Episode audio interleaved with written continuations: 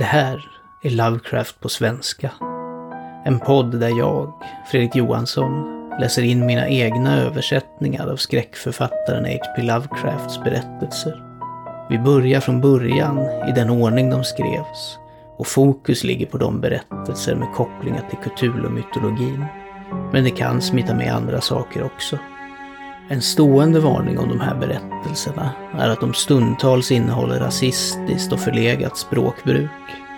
Mer om mina tankar kring detta finns att läsa på poddens hemsida. Dagens avsnitt är den nionde och avslutande delen av fallet Charles Dexter Ward från 1927. Dr. Willett och fadern Ward finner i bungalowens källare en dold lucka. I sin iver att öppna den förmodade ingången utsätts fadern för en vämjelig luftström, vilket sätter honom ur spel då han tar emot den fulla stöten framför doktorn. Efter att ha sänt hem honom beslutar sig Willett för att fortsätta på egen hand. I katakomberna finner han mardrömsvarelser, hemska altare och märkliga anordningar i dussintals rum som ger honom en insikt om vidden av Joseph Curvens företagsamhet. I ett töcken undersöker han lämningarna, samlar på sig dokument och försöker få en klarhet i vad han egentligen har funnit. Ett rum med cirklar på golvet var i en ensam bägare med ett pulver är placerat. Fångar hans uppmärksamhet. På väggarna finns flera inristade symboler och när Willett känner igen en formel som han stött på tidigare börjar han tyst mumla stavelserna för sig själv. Vind börjar blåsa genom katakomberna och från den centralt placerade bägaren utsöndras en rök. När dimmorna skingras ser Willett en gestalt av någon eller något kliva fram. God lyssning. Fallet Charles Dexter Ward Del 9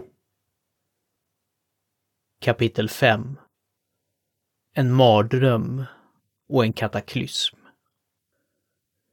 5 Marinus Bicknell Willett har inget hopp om att någon del av hans berättelse kommer att bli trodd, utom av vissa sympatiska vänner. Därför har han inte gjort några försök att berätta den utanför sin mest intima krets. Endast ett fåtal utomstående har någonsin hört den upprepas och av dessa skrattar majoriteten och anmärker att doktorn säkert börjar bli gammal. Han har råtts att ta en lång semester och att undvika framtida fall som rör mental störning. Men Mr Ward vet att veteranläkaren endast talar en hemsk sanning. Såg han inte själv den vämjeliga öppningen i bungalowkällaren? Hade inte Willett skickat hem honom, överväldigad och sjuk, vid elva tiden den där illavarslande morgonen? Hade han inte förgäves telefonerat doktorn den kvällen och igen nästa dag? Och hade han inte kört till bungalowen själv följande middagstid och funnit sin vän medvetslös men oskadd på en av sängarna på övervåningen? Willet hade andats kraftigt och öppnade sina ögon långsamt när Mr Ward gav honom lite konjak som hämtats från bilen. Sedan ryste han och skrek, ropade ut. Det där skägget, de ögonen. Gud, vem är du? En mycket märklig sak att säga till en prydlig, blåögd, renrakad gentleman som han hade känt från den senares pojkår. I det klara middagssolljuset var bungalowen oförändrad sedan den föregående morgonen. Willets kläder var inte oordnade utöver vissa fläckar och slitna delar vid knäna och endast en svag, frän odör påminde Mr Ward om vad han hade känt från sin son den där dagen han fördes till sjukhuset. Doktorns ficklampa saknades, men hans kappsäck var säker där, lika tom som när han hade tagit med den. Innan Willet ägnade sig åt några förklaringar och uppenbarligen med stor moralisk ansträngning vacklade han yrt ner till källaren och kände på den ödesdigra plattformen framför tvättbaljorna. Den var orubblig. Han gick bort till den plats där han hade lämnat sin ännu oanvända verktygsväska dagen innan, tog en mejsel och började bända upp de envisa plankorna, en efter en. Undertill var den släta betongen, fortfarande synlig, men av någon öppning eller perforering fanns det inte längre något spår. Inget gapade den här gången för att insjukna den förbryllade faden som hade följt doktorn nerför trappan. Endast den släta betongen under plankorna. Ingen vämjelig brunn, ingen värld av underjordiska fasor, inget hemligt bibliotek, inga kurvenpapper, inga mardrömshålor av stank och ylande, inget laboratorium eller hyllor eller utmejslade formler. Nej. Dr. Willett bleknade och högg tag i den yngre mannen. Igår, frågade han mjukt. Såg du det här? Och kände lukten av det? Och när Mr Ward, som själv var lamslagen av fruktan och under, fann styrkan att nicka jakande gav läkaren ifrån sig ett ljud, till hälften en suck och till hälften en flämtning och nickade tillbaka. Då ska jag berätta för dig. Så under en timme, i det soligaste rummet de kunde hitta på övervåningen, viskade läkaren sin fruktansvärda berättelse för den undrande fadern. Det fanns ingenting att skildra efter att den där formen hade framträtt när den grönsvarta ångan från Kylixen skingrades och Willet var för trött för att fråga sig själv vad som egentligen hade hänt. Båda männen skakade meningslöst och förvirrat sina huvuden och en gång vågade sig Mr Ward på ett tyst förslag. Tror du det skulle vara någon mening att gräva? Doktorn var tyst, för det verkade knappast passande för någon mänsklig hjärna att svara när krafter från okända sfärer så vitalt inkräktade på denna sida av den stora avgrunden. Återigen frågade Mr Ward. Men var tog den vägen? Den förde dig hit, vet du. Och den förseglade hålet på något sätt. Och Willet lät återigen tystnaden svara för honom. Men trots allt var detta inte slutfasen av saken.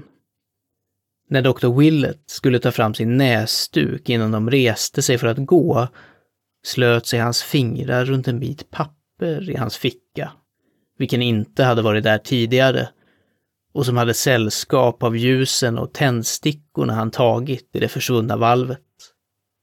Det var ett vanligt ark, uppenbarligen utrivet från det billiga blocket i det där obeskrivliga skräckrummet någonstans under jorden och skriften på det var från en vanlig blyertspenna. Tveklöst den som hade legat bredvid blocket. Den var vikt mycket slarvigt och förutom den svaga fräna doften från den kryptiska kammaren bar den inget tryck eller märke från någon annan värld än denna. Men texten själv osade av under. För här var det ingen skrift från en hälsosam ålder, utan de mödosamma tecknen av medeltida mödor, knappast läsbara för de lekmän som nu ansträngde sig med den, men ändå med kombinationer av symboler som verkade vagt bekanta. Det korta, nedklottrade meddelandet var detta och dess mysterium gav en uppgift till det omskakade paret, som genast gick ut till Wards bil och gav order om att först köras till en lugn matplats och sedan till John Hay-biblioteket på kullen. På biblioteket var det lätt att hitta goda paleografiska manualer och med dessa arbetade de två männen tills kvällens ljus sken från den stora ljuskronan. I slutändan hittade de det som behövdes. Bokstäverna var ingen fantasifull uppdiktning utan en normal skrift från en mycket mörk period. De var spetsiga saxiska minuskler från det åttonde eller nionde århundradet efter Kristus och förde med sig minnen från en otäck tid då forntida tro och forntida dåd rörde sig i smyg under den nya kristna faneren och den bleka brittiska månen såg ibland ned på märkliga dåd i romerska ruiner av Carlion och Hexham och vid tornen längs Hadrianus sönderfallande mur. Orden var på sådan latin som en barbarisk tidsålder kunnat minnas. Corvinus necandus est. Cadaver aqua forti dissolvendum, nec aliquid retendium. Tachut potes. Vilket grovt kan översättas till Kurven måste dödas. Kroppen måste lösas upp i aqua fortis. Inget får bevaras. Var så tyst du kan. Willet och Mr Ward var stumma och förbryllade. De hade mött det okända och funnit att de saknade känslor för att svara på det som de vagt trodde att de borde.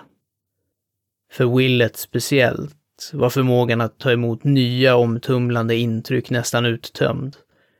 Och båda männen satt stilla och hjälplösa tills bibliotekets stängning tvingade dem att gå. Sedan körde de håglöst till Wards herrgård på Prospect Street och talade utan syfte in på natten. Doktorn vilade framåt morgonen, men gick inte hem. Och han var fortfarande där vid lunchtid på söndagen när ett telefonmeddelande kom från detektiverna som hade fått i uppdrag att undersöka Dr. Allen. Mr Ward, som stegade fram och tillbaka nervöst i sin morgonrock, svarade personligen på samtalet och sa till männen att komma tidigt nästa dag när han hörde att deras rapport nästan var klar. Både Willet och han var glada över att den här fasen av ärendet tog form, för oavsett ursprunget till det märkliga meddelandet i minuskler verkade det säkert att den kurven som måste förgöras inte kunde vara någon annan än den skäggiga och glasögonprydda främlingen. Charles hade fruktat denna man och hade sagt i sitt frenetiska brev att han måste dödas och lösas upp i syra. Allen dessutom hade tagit emot brev från de märkliga trollkarlarna i Europa under namnet Curven och ansåg sig tydligen vara en avatar av den svunna nekromantiken. Och nu, från en ny och okänd källa, hade det kommit ett meddelande som sa att kurven måste dödas och lösas upp i syra. Kopplingen var alltför omisskännlig för att vara fabricerad och dessutom planerade inte Allen att mörda unge Ward på inrådan av varelsen som kallades Hutchinson. Brevet de sett hade förstås aldrig nått den skäggiga främlingen, men utifrån texten kunde de utläsa att Allen redan hade utformat planer för att hantera ungdomen om han blev för blödig. Utan tvekan måste Allen gripas. Och även om de mest drastiska anvisningarna inte genomfördes måste han placeras där han inte kunde tillfoga Charles Ward någon skada. Den eftermiddagen, i hopp om hoppet att utvinna någon glimt av information angående de innersta mysterierna från det enda kapabel att ge det, gick fadern och doktorn ned till viken och besökte den unge Charles på sjukhuset. Enkelt och allvarligt berättade Willet för honom om allt han hade hittat och märkte hur blek han blev när varje beskrivning säkerställde sanningen i upptäckten. Läkaren använde så mycket dramatisk effekt som han kunde och väntade på att Charles skulle reagera när han närmade sig händelserna med de täckta hålen och den namnlösa hybriden där i. Men Ward reagerade inte. Willet gjorde en paus och hans röst blev indignerad när han talade om hur sakerna svalt. Han anklagade ungdomen för chockerande omänsklighet och darrade när endast ett sardoniskt skratt kom som svar. För Charles, efter att ha släppt den meningslösa föreställningen att kryptan inte existerade, tycktes se något kusligt skämt i hela affären och skrockade hest åt någonting som roade honom. Då viskade han, i accenter dubbelt så hemska på grund av den spruckna rösten han använde. Fan ta dem! Visst äter de. Men de behöver inte. Det är det enastående. En månad, säger du, utan mat. Sir, ni är blygsam. Vet ni, det är ett skämt på stackars gamle Whipples bekostnad med hans dyktiga gormande. Avliva allt skulle han. Helvete, han var halvdöv av ljudet från utsidan och såg aldrig eller hörde något från brunnarna. Han kunde inte drömma om att de var där alla. Fan ta er, de där förbannade sakerna har ylat där nere ända sedan kurven till intet gjordes för 157 år sedan. Men inget mer än detta kunde Willet få ut från ungdomen. Skräckslagen, men ändå nästan övertygad mot sin vilja, fortsatte han med sin berättelse i hopp om att någon incident kunde skrämma upp hans åhörare ur det galna lugnet han uppehöll. När han tittade på ungdomens ansikte kunde doktorn inte annat än känna en slags skräck över de förändringar som de senaste månaderna hade åstadkommit. Sannerligen, pojken hade dragit ner namnlösa fasor från himlarna. När rummet med formlerna och det gröna dammet nämndes visade Charles sitt första tecken på liv. Frågande utseende spred sig i hans ansikte när han hörde vad Willet hade läst i blocket och han dristade sig till ett milt uttalande att de anteckningarna var de gamla, utan någon signifikant betydelse för någon som inte var djupt initierad i magins historia. Men, tillade han, hade du bara känt till orden för att föra fram det som jag hade i koppen, hade du inte varit här för att berätta detta för mig. Det var nummer 118 och jag kan tänka mig att du skulle ha blivit chockad om du hade slagit upp det i min lista i det andra rummet. Den lyftes aldrig upp av mig, men jag menade att ta upp den den dagen du kom för att bjuda mig hit. Då berättade Willet om formen han hade uttalat och om den grönsvarta röken vilken hade uppstått. Och när han gjorde det såg han sann rädsla gry för första gången i Charles Wards ansikte. Den kom! Och du är här levande! När Ward kraxade fram orden verkade hans röst nästan bryta sig från sina fjättringar och sjunka ner i den urgröpta avgrunder av kuslig resonans. Willet, skänkt en gnista av inspiration, trodde sig se situationen och vävde in i sitt svar en varning från ett brev han mindes. Nummer 188 säger du. Men glöm inte att, men glöm inte att stenar har ändrats nu på nio platser av tio. Du är aldrig säker förrän du frågar. Och då, utan förvarning, tog han fram meddelandet i minuskler och höll det framför patientens ögon. Han kunde inte ha önskat ett starkare resultat. För Charles Ward svimmade genast. Hela denna konversation hade såklart förts med största hemlighet, så att inte de biträdande psykologerna skulle anklaga fadern och läkaren för att uppmuntra en galning i hans vanföreställningar. Utan hjälp plockade Dr. Willett och Mr. Ward upp den slagna ungdomen och la honom på soffan. Under tillkvicknandet mumlade patienten många gånger om ett meddelande vilket han måste skicka till Orno och Hutchinson på en gång. Så när hans medvetande verkade vara helt återställt berättade doktorn för honom att av de där märkliga varelserna var åtminstone en hans bittra fiende och hade gett Dr. Allen råd för hans lönnmord. Detta avslöjandet visade ingen synlig effekt Och innan den gjordes kunde besökarna se att deras värd redan hade blicken hos en jagad man. Efter detta ville han inte konversera längre. Så Willet och fadern gick snart, lämnade efter sig en varning mot den skäggiga Allen, på vilken ynglingen endast svarade att denna individ var mycket säkert omhändertagen och kunde inte göra någon skada, även om han önskade det. Detta sades med ett nästan ondskefullt skrockande, mycket smärtsamt att höra. De oroade sig inte för någon form av kommunikation som Charles kunde författa till det monstruösa paret i Europa, eftersom de visste att sjukhuspersonalen beslagtog all utgående post för censur och inte skulle sända vidare någon vild eller chockerande skrivelse.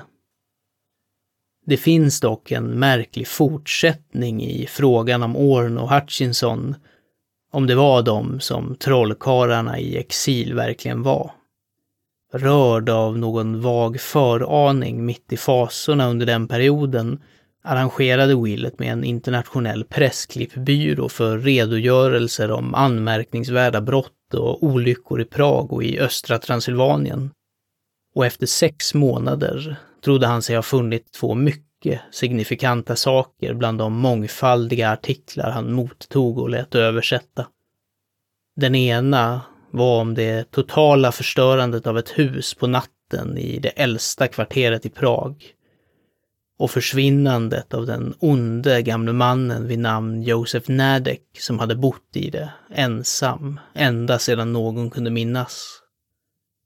Det andra var om en titanisk explosion i de transylvanska bergen öster om Brakus och den totala utrotningen av alla boende i det illa ansedda slottet Ferenzi, vars herre var så ont omtalad av både bönder och soldater att han inom kort skulle ha blivit kallad till Bukarest för allvarliga förhör om inte denna incident hade skurit av den karriär som var så lång att den föregick allt vanligt minne. Willet vidhåller att handen som skrev de där minusklerna var förmögen att hantera starkare vapen också. Och att medan kurven lämnades åt honom att undanskaffa kände författaren sig kapabel att finna och hantera Orn och Hutchinson själv. Vad deras öde kan ha varit kämpar doktorn träget med att inte tänka på. 6. Följande morgon hastade Dr. Willett till vårdhemmet för att vara närvarande när detektiverna anlände. Allens förgörelse eller fängslande, eller Curvens, om man kunde betrakta det underförstådda anspråket på reinkarnation som giltigt, kände han måste genomföras till varje pris. Och han kommunicerade denna övertygelse till Mr Ward när de satt och väntade på att männen skulle komma. De var på undervåningen den här gången, för de övre delarna av huset hade börjat undvikas på grund av ett märkligt illamående som hängde obestämt omkring. Ett illamående vilket de äldre tjänarna kopplade till någon förbannelse som lämnats av det försvunna kurven-porträttet. Klockan nio anlände de tre detektiverna och överlämnade omedelbart allt de hade att berätta. De hade inte, olyckligt nog, lokaliserat bravan Tony Gomez som de hade önskat. Och de hade inte heller funnit det minsta spår efter Dr. Allens källa eller nuvarande vistelseort men de hade lyckats gräva fram en ansenlig mängd lokala intryck och fakta angående den fåordiga främlingen. Allen hade uppfattats av Pautaxet-folket som en vagt onaturlig varelse och det fanns en allmän uppfattning att hans tjocka Van Dyke-skägg antingen var färgat eller falskt. En uppfattning som definitivt bekräftades av upptäckten av ett sådant lösskägg tillsammans med ett par mörka glasögon i hans rum i den ödesdigra bungalowen. Hans röst kunde Mr Ward mycket väl vittna om från deras enda telefonsamtal, hade ett djup och en hålighet som inte kunde glömmas. Och hans blick tycktes ondskefull, även bakom hans skuggade och hornbågade glasögon. En butiksinnehavare hade, under förhandlingarna, sett ett exempel på hans handstil och förklarat att den var mycket undlig och kråkfotsaktig. Detta bekräftades av anteckningar i blyerts utan tydlig betydelse som hittades i hans rum och identifierades av köpmannen. I samband med vampyrryktena från föregående sommar trodde en majoritet av skvallret att Allen, hellre än Ward, var den faktiska vampyren. Uttalanden inhämtades också från tjänstemännen som hade besökt bungalowen efter den obehagliga incidenten med lastbilsrånet. De hade känt mindre av det elakartade hos Dr. Allen, men hade känt igen honom som den dominerande figuren i den märkliga, skuggiga stugan. Platsen hade varit för mörk för att de skulle kunna se honom tydligt, men de skulle känna igen honom ifall de såg honom. Hans skägg hade sett konstigt ut och de tyckte att han hade ett litet ärr ovanför sitt mörka högra öga. Vad gällde detektivernas genomsökning av Allens rum gav det ingenting definitivt, förutom skägget och glasögonen och flera blyertsanteckningar i den där kråkfotsstilen, vilken Willett på en gång såg var identisk med den i de gamla Curven-manuskripten och i de omfattande anteckningarna från senare tid från unge Ward som hittats i de försvunna katakomberna av skräck. Dr. Willett och Mr. Ward uppfattade något av en djup, subtil och försåtlig kosmisk rädsla från de här uppgifterna när de gradvis avslöjades. Och darrade nästan när de följde upp den vaga, galna tanke, vilken samtidigt hade nått deras sinnen. Det falska skägget och glasögonen. Den krokiga handstilen. Det gamla porträttet och dess lilla ärr och den förändrade ungdomen på sjukhuset med ett sådant ärr. Den där djupa, ihåliga rösten på telefonen. Var det inte detta som Mr Ward påmindes om när hans son skällde fram de där ynkliga tonerna som han påstod sig vara reducerad till? Vem hade någonsin sett Charles och Allen tillsammans? Ja, tjänstemännen hade en gång, men vem senare? Var det inte när Allen gick som Charles plötsligt tappade sin växande rädsla och började helt bo i bungalowen? Curven, Allen, Ward. I vilken blasfemisk och avskyvärd fusion hade två åldrar och två personer blivit inblandade? Den där förbannade likheten mellan bilden och Charles. Hade den inte brukat stirra och stirra och följt pojken i rummet med sina ögon. Varför hade också både Allen och Charles kopierat Joseph Curvens handstil, även när de var ensamma och överraskade? Och så dessa människors fruktansvärda arbete. Den försvunna kryptan av fasor som hade åldrat doktorn över en natt. De svältande monstren i de vämjeliga hålorna den hemska formen vilken hade gett så namnlösa resultat. Meddelandet i minuskler som hittats i Willets ficka. Papprena och breven och allt tal om gravar och salter och upptäckter. Vart ledde allting? I slutändan gjorde Mr Ward det mest förnuftiga. Han stålsatte sig själv mot insikten av varför han gjorde det och gav detektiverna ett föremål för att visa för sådana butiksinnehavare i Pautaxet som hade sett den illavarslande Dr. Allen.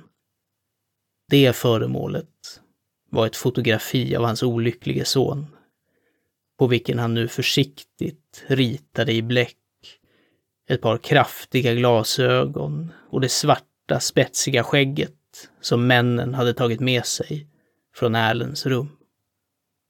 I två timmar väntade han med doktorn i det tryckande huset, där rädsla och miasma sakta samlades, medan den tomma panelen i biblioteket på övervåningen flinade och flinade och flinade. Sedan kom männen tillbaka. Ja, det ändrade fotografiet hade en mycket skaplig likhet med Dr. Allen. Mr Ward bleknade och Willet torkade en plötsligt fuktig panna med sin näsduk. Allen, Ward, Curven. Det började bli för ohyggligt för att kunna tänka sammanhängande. Vad hade pojken kallat fram från tomrummet och vad hade den gjort med honom? Vad hade egentligen hänt från början till slut? Vem var denna Allen som försökte att döda Charles för att han var för blödig?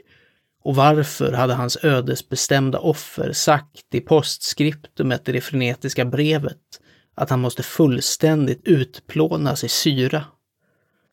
Varför hade också budskapet i minuskel, vars ursprung ingen vågade tänka på, sagt att kurven likaledes måste utplånas? Vad var förändringen? Och när hade det slutgiltiga skedet inträffat? Den dagen när hans frenetiska brev togs emot. Han hade varit nervös hela den morgonen. Sedan hade det skett en förändring. Han hade smitit ut osedd och järvt svassat förbi de män som anlitats för att vakta honom. Det var den tiden då han var ute. Men nej, hade han inte ropat ut i skräck när han gick in i sitt arbetsrum? Just det här rummet. Vad hade han hittat där? Eller vänta. Vad hade hittat honom? Det där simulacrumet, vilket djärvt trängt sig in utan att ha setts gå. Var det en främmande skugga och en fasa som tvingade sig på en darrande gestalt som aldrig hade gått ut alls? Hade inte butlern talat om konstiga ljud? Willet ringde efter mannen och ställde några lågtonade frågor till honom. Det hade säkert nog varit en hemsk händelse. Det hade förekommit ljud. Ett rop, ett flämtande, ett kvävt och ett slags skramlande eller knarrande eller dunkande. Eller alla dessa. Och Mr Charles var inte sig lik när han smet ut utan ett ord. Butlern darrade när han talade och sniffade åt den tunga luften som blåste ner från något öppet fönster på övervåningen. Terrorn hade definitivt satt sig över huset och endast de affärsmässiga detektiverna misslyckades med att insupa det fulla intrycket av det. Även de var rastlösa. För det här fallet hade haft vaga faktorer i bakgrunden vilka inte alls hade behagat dem. Dr. Willett tänkte djupt och snabbt och hans tankar var hemska. Då och då bröt han nästan ut i muttrande när han i sitt huvud gick igenom en ny, skrämmande och allt mer avgörande kedja av mardrömshändelser. Då signalerade Mr Ward att konferensen var över. Och alla förutom honom och doktorn lämnade rummet. Det var middagstid nu. Men skuggor, som från den kommande natten, verkade uppsluka den hemsökta herrgården. Willet började prata mycket allvarligt med sin värd och uppmanade honom att överlåta en stor del av den framtida utredningen till honom. Det skulle finnas, förutspådde han, vissa motbjudande beståndsdelar, vilka en vän kunde uthärda bättre än en släkting. Som familjeläkare måste han ha fria händer och det första han behövde var en stund ensam och ostörd i det övergivna biblioteket på övervåningen, där den gamla spiselkransen hade samlat på sig en aura av motbjudande fasa, mer intensiv än när Joseph Curvens drag själva sneglade ner lömskt från den målade panelen. Mr Ward, omtumlad av flodvågen av groteska morbiditeter och otänkbara galna antydningar som strömmade in över honom från varje sida, kunde bara bifalla. Och en halvtimme senare låstes doktorn in i det undvikna rummet med panelen från Olney Court. Faden, lyssnande utifrån, hörde famlande ljud av rörelse och rotande allt eftersom tiden gick och slutligen ett vridande och en knarr, som om en åtsittande skåpsdörr öppnades. Sedan kom ett dämpat rop, en slags frustande kvävning och ett hastigt igensmällande av vad som nu hade öppnats.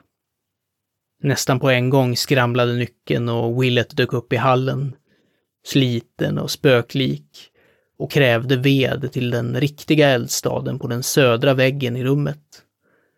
Värmepannan räckte inte till, sa han, och det elektriska vedträet hade lite praktisk användning.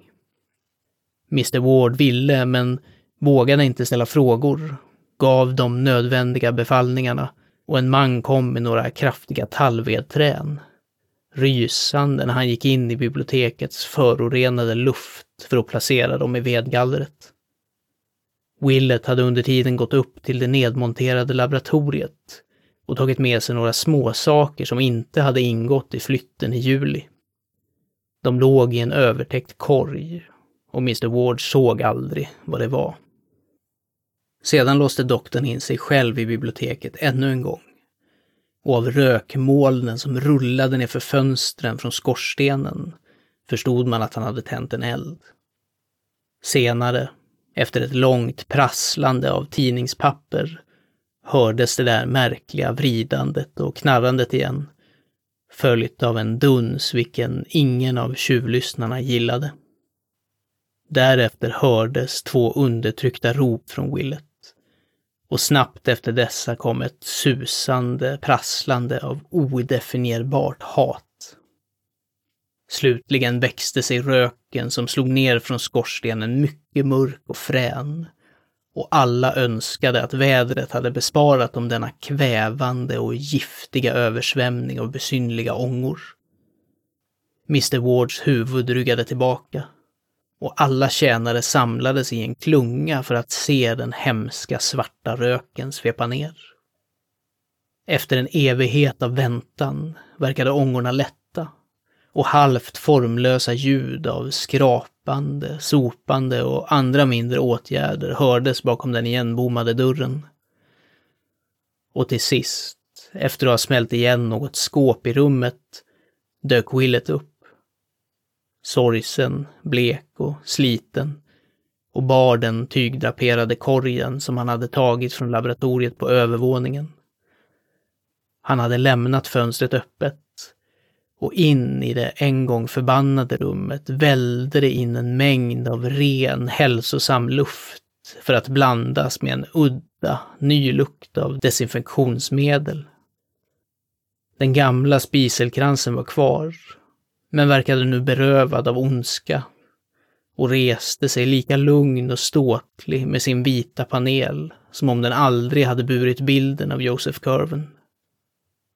Natten var på intågande, men denna gång höll dess skuggor ingen latent skräck, utan endast en mild melankoli.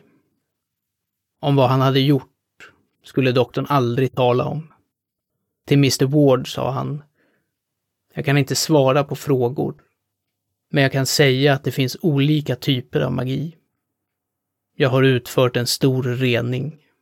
Och de i det här huset kommer att sova bättre av det. 7. Att Dr. Willets rening hade varit en prövning nästan lika påfrestande på sitt sätt som hans avskyvärda vandring i den försvunna kryptan visas av det faktum att den äldre läkaren tuppade av fullständigt så fort han kom hem den kvällen. I tre dagar vilade han ständigt i sitt rum, även om tjänare senare muttrade något om att de hade hört honom efter midnatt på onsdagen, när ytterdörren mjukt öppnades och stängdes med en fenomenal mjukhet. Tjänares fantasi är, tursamt nog, begränsad. Annars kunde kommentarerna ha blivit uppvarvade av en artikel från torsdagens Evening Bulletin, vilken stod som följer. North End gravplundrare, aktiv igen. Efter ett uppehåll på tio månader sedan den usla vandalismen av Widengraven på den norra begravningsplatsen skymtades en nattlig kringstrykare tidigt denna morgon på samma gravplats av Robert Hart, nattvakten. När han av en händelse tittade ut från sitt skjul runt tvåtiden observerade Hart skenet från en lykta eller ficklampa inte långt bort mot nordväst och vid öppnandet av dörren upptäckte han en mansfigur med en murslev mycket tydligt i siluett mot ett närliggande elektriskt ljus. Han började genast jakten och såg figuren pila iväg mot huvudentrén, ta sig till gatan och försvinna bland skuggorna innan närmande eller infångande var möjligt. Likt de första av de gravplundrare som var aktiva under det senaste året hade denna inkräktare inte gjort någon verklig skada innan upptäckten. En ledig del av gravplatsen för familjen Ward visade tecken på lite ytlig grävning, men ingenting som ens var i närheten av storleken av en grav hade försökts och ingen tidigare grav hade blivit störd. Hart, som inte kan beskriva strykaren förutom som en liten man, förmodligen med helskägg, lutar åt uppfattningen att alla tre grävincidenter har en gemensam källa. Men polisen från den andra stationen tror något annat med tanke på den andra händelsens brutala karaktär då en gammal kista avlägsnades och dess gravsten våldsamt krossades. Den första av incidenterna, där man tror att ett försök att begrava någonting grusades, inträffade för ett år sedan i förra mars och har tillskrivits smugglare som sökte efter en gömma. Det är möjligt, säger sergeant Riley, att denna tredje affär är av liknande karaktär. Poliser vid den andra stationen anstränger sig särskilt för att gripa gänget av missdådare ansvariga för dessa upprepade övergrepp.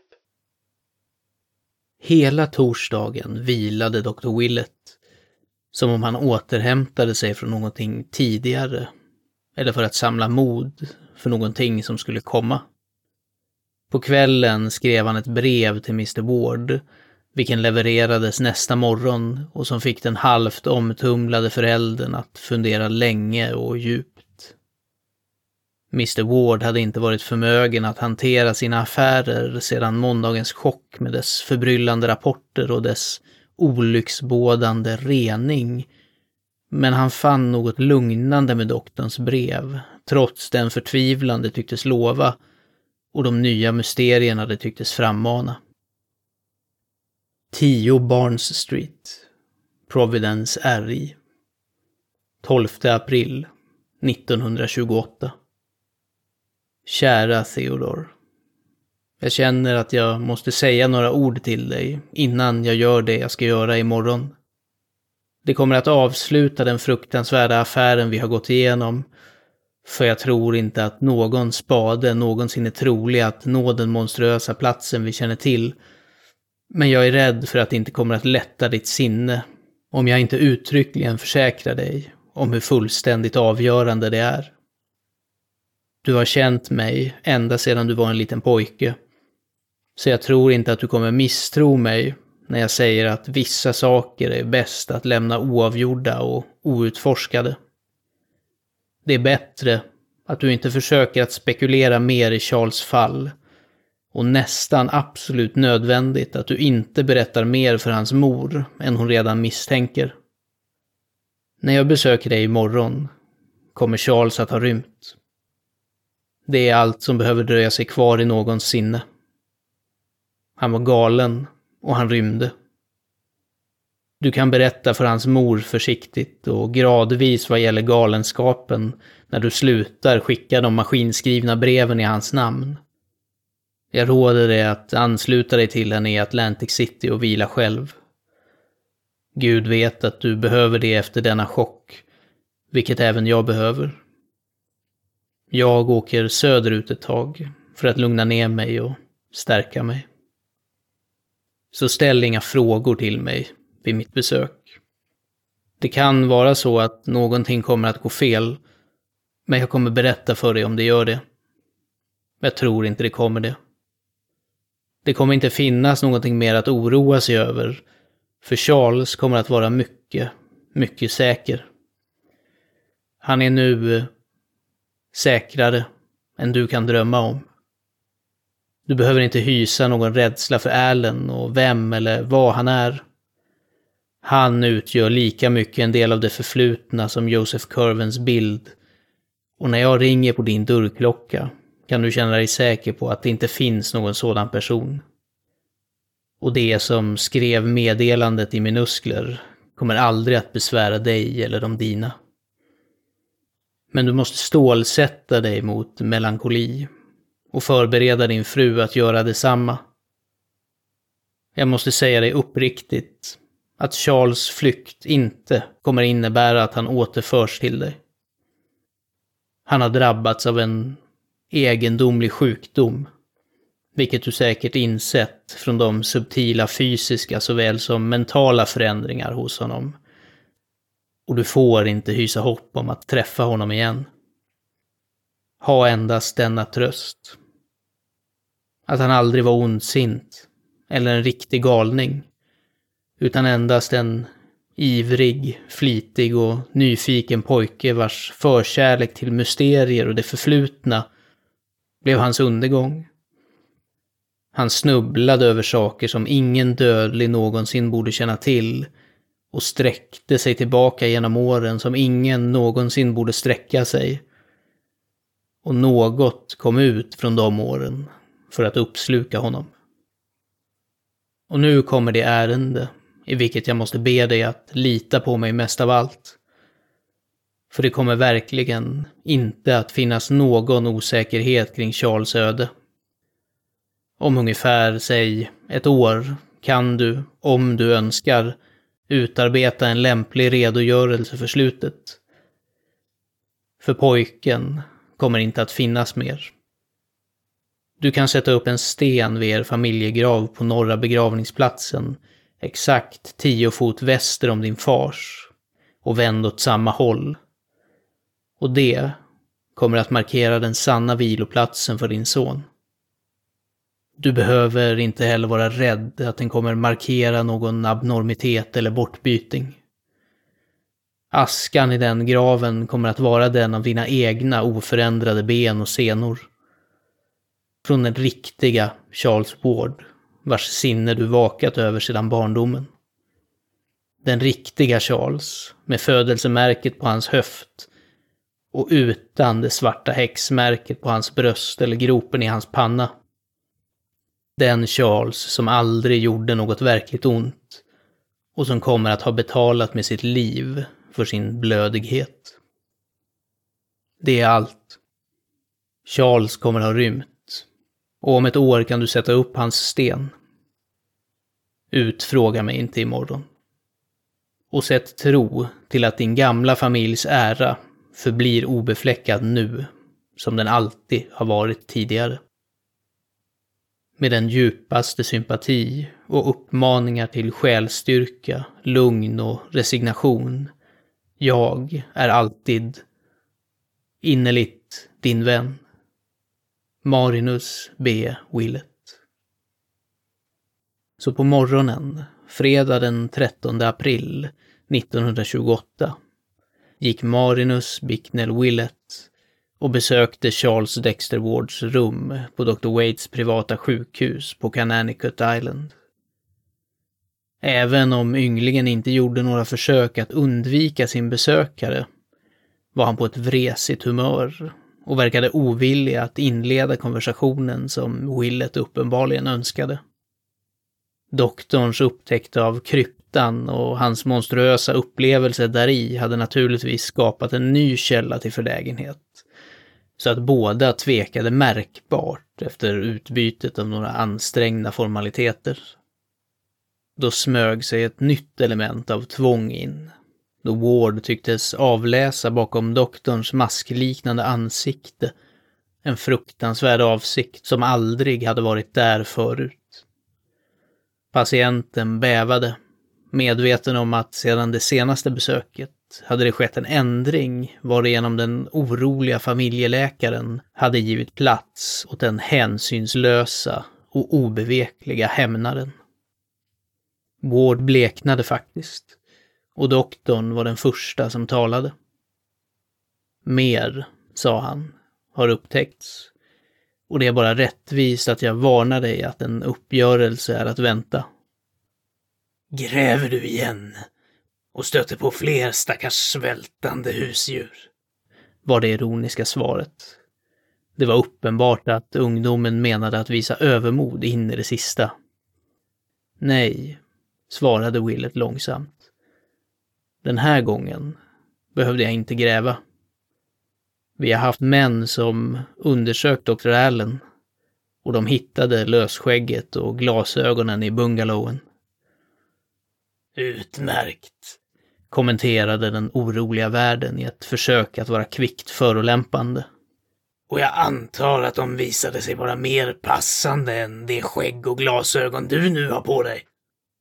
De skulle passa dig mycket bra, kom det jämna och studerade svaret. Som de faktiskt verkar ha gjort. När Willet sa detta verkade det nästan som om ett moln passerade framför solen, även om skuggorna på golvet inte ändrades. Då dristade sig Ward. Och är det detta som så starkt kräver uppgörelse? Anta att en man då och då tycker att det är användbart att vara tvåfaldig. Nej, sa Willet allvarligt. Återigen har du fel. Det är inte min sak om någon söker dualitet, förutsatt att han har någon rätt att existera överhuvudtaget och förutsatt att han inte förstör det som kallade fram honom från rymden. Ward ryckte nu till våldsamt. Nå, sir. Vad har ni hittat? Och vad vill ni mig? Doktorn lät lite tid gå innan han svarade, som om han valde sina ord för ett effektivt svar. Jag har hittat, betonade han till slut, någonting i ett skåp bakom en gammal spiselkrans där en bild en gång fanns. Och jag har bränt det och begravt askan där Charles Dexter Wards grav borde vara. Galningen storknade och hoppade upp från stolen där han hade suttit. Förbanna er! Vem berättar ni för? Och vem kommer att tro att det var han efter dessa två hela månader med mig vid liv? Vad menar ni att göra? Willet, även om han var en liten man, antog faktiskt ett slags rättsligt majestät när han lugnade patienten med en gest. Jag har inte berättat för någon. Detta är inte ett vanligt fall. Det är en galenskap utifrån tiden och en fasa bortom sfärerna vilken inga poliser eller advokater eller domstolar eller psykologer någonsin kan förstå eller greppa. Tack Gud, för chansen har lämnat en gnista av fantasi inom mig, så att jag inte förlorat mig när jag tänkt ut denna sak. Du kan inte vilseleda mig, Joseph Curven, för jag vet att din förbannade magi är sann. Jag vet hur du vävde den där förtrollningen som ruvade utanför åren och fästes på din dubbelgångare och ättling. Jag vet hur du drog honom in i det förgångna och fick honom att lyfta upp dig från din vedervärdiga grav. Jag vet hur han höll dig gömd i sitt laboratorium medan du studerade moderna ting och strövade omkring som en vampyr på natten och hur du senare visade dig själv med skägg och glasögon så att ingen skulle undra över din gudalösa likhet med honom. Jag vet vad du beslutade dig för att göra när han tvekade inför ditt monstruösa plundrande av världens gravar och inför vad du planerade efteråt. Och jag vet hur du gjorde det. Du tog av ditt skägg och glasögonen och lurade vakterna runt huset. De trodde att det var han som gick in och de trodde att det var han som kom ut. När du hade strypt och gömt honom. Men du hade inte räknat med de olika innehållen i två sinnen. Du var en dåre, Curven, som trodde att det skulle räcka med endast en visuell identitet. Varför tänkte du inte på talet och rösten och handstilen? Det har inte fungerat, förstår du trots allt. Du vet bättre än mig vem eller vad som skrev det där meddelandet i minuskler, men jag varnar dig att det inte skrevs förgäves. Det finns styggelser och blasfemier vilka måste stampas ut, och jag tror att författaren till dessa ord kommer att ta hand om Orn och Hutchinson. En av dessa varelser skrev till dig en gång. Kalla inte upp någon som du inte kan kalla ner. Du blev till intet gjorde en gång tidigare, kanske på just det sättet. Och det kan vara så att din egen onda magi kommer till intet göra dig helt igen. Curven. En man kan inte manipulera naturen bortom vissa gränser. Och varje fasa du har vävt kommer att stiga upp för att utplåna dig. Men här avbröts doktorn av ett krampaktigt skrik från varelsen framför honom. Hopplöst fångad, vapenlös och med vetskapen att varje försök till fysiskt våld skulle framkalla ett tjog vårdare till doktorns räddning tog Joseph Curven tillflykt till sin enda gamla allierade och påbörjade en serie kabbalistiska rörelser med sina pekfingrar samtidigt som hans djupa, tomma röst, nu oförställd av falsk heshet, dundrade fram de inledande orden av en fruktansvärd formel. Per Adonai Elohim, Adonai Jehova, Adonai Sabaot, Metrata. Men Willet var för snabb för honom. Även när hundarna på gården utanför började yla och även när en kylig vind plötsligt störtade upp från viken inledde doktorn den allvarliga och uppmätta intonationen av det som han hela tiden hade menat att recitera. Öga för öga. Magi för magi. Låt utfallet visa hur väl läxan från avgrunden hade lärts. Så med en klar röst påbörjade Marinus Bicknell Willett den andra av det där paret formler vars första del hade lyft upp författaren av de där minusklerna. Den kryptiska åkallan vars överskrift var drakens svans. Tecknet för den nedstigande noden. Ogthrod Eif, Gebel E, Jag Sotot, Nagnai Ai, Sro. Vid det allra första ordet från Willets mun upphörde patientens tidigare påbörjade formel. Oförmögen att tala gjorde monstret vilda rörelser med armarna tills de också hejdades. När det fruktansvärda namnet Jogsotot uttalades började den avskyvärda förändringen. Det var inte endast en upplösning, utan snarare en förvandling eller rekapitulering. Och Willet slöt sina ögon för att han inte skulle svimma innan resten av besvärjelsen kunde uttalas. Han svimmade inte. Och mannen av oheliga århundraden och förbjudna hemligheter besvärade aldrig världen igen. Vansinnet utanför tiden hade lagt sig och fallet Charles Dexter Ward avslutades. När han öppnade sina ögon innan han stapplade ut ur det där skräckrummet såg Dr. Willett att det han hade behållit i minnet inte hade behållits fel. Det hade, som han förutspått, inte funnits något behov för syror. För precis som sin förbannade bild ett år tidigare låg nu Joseph Curven utspridd på golvet som en tunn beläggning av fint blågrått damm.